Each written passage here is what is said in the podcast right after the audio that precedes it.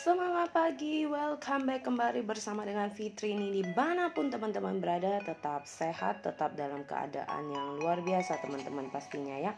Nah teman-teman hari ini Fitri mau berbagi adalah cara bagaimana sih Kalau kadang kita itu suka ya udah mempersiapkan diri nih Berbicara de di depan orang, udah mempersiapkan Mungkin ada mau presentasi, anda mau uh, berbicara dan sebagainya tapi yang sering terjadi adalah kita ngeblank, kita lupa pada kita sudah per, uh, persiapkan preparationnya jauh-jauh hari. Tapi selalu ujung-ujungnya adalah lupa segala macam yang mau disampaikan. Begitu audiensnya duduk liatin. Teman-teman itu wajar ya uh, bukan hanya Anda mungkin yang mau presentasi berbicara di depan yang hanya ratusan, bahkan pengalaman saya kemarin MC ribuan aja itu bener-bener ya teman-teman uh, pegang cukat itu tujuannya untuk tahu remind kita sih habis ini mau ke mana, habis ini bawainnya apa.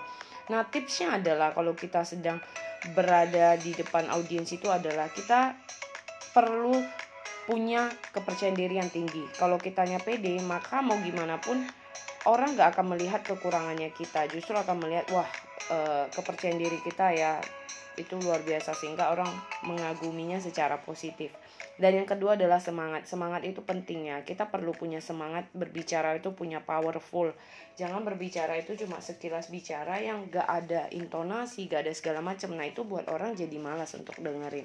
Itu penting sekali untuk anda punya yang namanya uh, tonality yang baik powerful banget. Semangat itu penting. Dan yang ketiga adalah anda perlu punya yang namanya uh, persiapan secara materi ya. Kalau walaupun kita kelihatan gugup dan segala macam, kita juga perlu persiapan materi. Jadi walaupun materinya mungkin kita bisa improvisasi, itu nggak kelihatan sih bahwa kita tidak persiapan daripada kita tidak persiapan namun kita asal presentasi itu akan jauh lebih kelihatan bahwa kita itu nggak ada persiapan menguasai materi yang kita bawakan. Jadi ingat tiga tipsnya biar anda bisa hadapi audiens anda dengan luar biasa lagi. Percaya diri yang kedua adalah anda perlu semangat dan yang ketiga adalah menguasai materi. Jadi semoga ini bermanfaat buat teman-teman. Ingat lakukan yang terbaik dan jadilah versi anda bukan versi orang lain